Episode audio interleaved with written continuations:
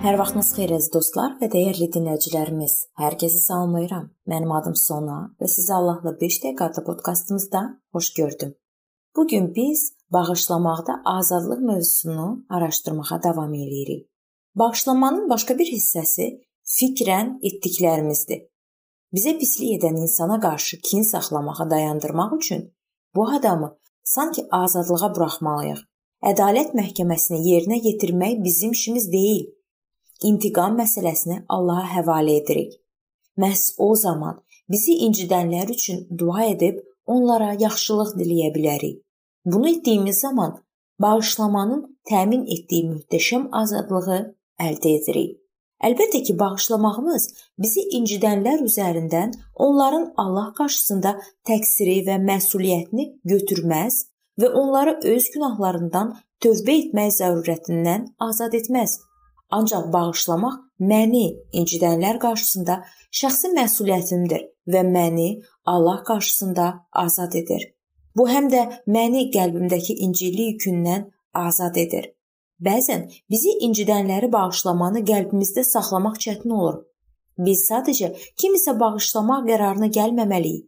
Həm də küskünlük ruhunun geri dönməsinə imkan vermədən qəlbimizdə bu bağışlanmanı qoruyub saxlamalıyıq. Bizə vurulan zərər ağır göründüyü zaman bu xüsusilə vacibdir. Başqalarının vurduğu yara izlərini ömrü boyu daşıyan insanlar var. Bağışlamağımız onları Allah qarşısında məsuliyyətlərindən azad etmir. Amma bağışlasaq, bu xatirələr yaddaşımızda acı və kin hisslərini canlandırmayacaq. Bağışlamaq və unutmağın eyni şey olmadığını başa düşməliyik. Bağışlamağımız və həqiqətən unutduğumuz vaxtlar olur. Bu isə böyük xeyir-duadır. Amma həmişə belə olmur. Buna baxmayaraq, əsl bağışlama həmişə yaddaşımızdakı küskünlüyü silməsə də, onu tikandan və gücdən məhrum edir. Bağışlamaq bizi incidəni şuurlu şəkildə sevmək və azadlığa buraxmaq haqqında Allahın çağırışını qəbul etmək deməkdir.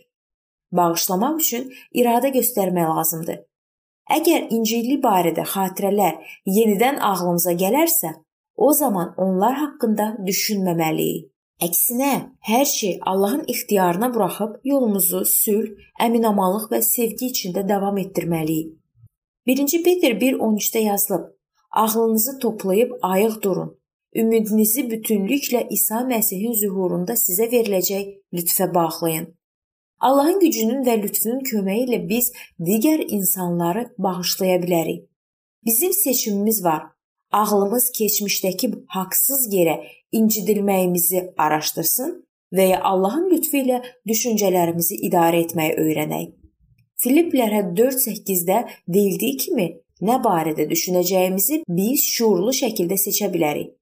Allah bizdən bacardığımızdan və ya daşıya biləcəyimizdən daha çox şey tələb etmir. Ancaq o bizə bağışlamaq və ağlımızı yaxınlarımıza sevgi dolu düşüncələrin doğru yoluna yönəltmək üçün güc göndərəcək.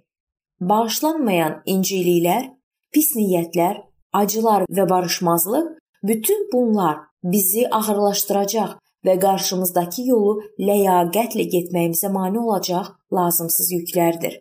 İbranilərə 12:1-də yazılıb: Buna görə bu qədər böyük şahidlər buludu ilə əhatə olunduğumuz üçün biz hər bir yükü və bizi asanlıqla çaşdıran günahı tərk edib qarşımızdakı yarışda dözümlə qaçaq. Keçmiş incəliklərimizdən və ağrılarımızdan əl çəkməyəndə onlar bizim üçün büdrəməyə çevrilərək qalib bir imanlı həyatı yaşamağımıza mane olur. Amma bağışlama bizə azadlıq verir. Bu mövzusun davamı növbəti görüşümüzdə olacaq.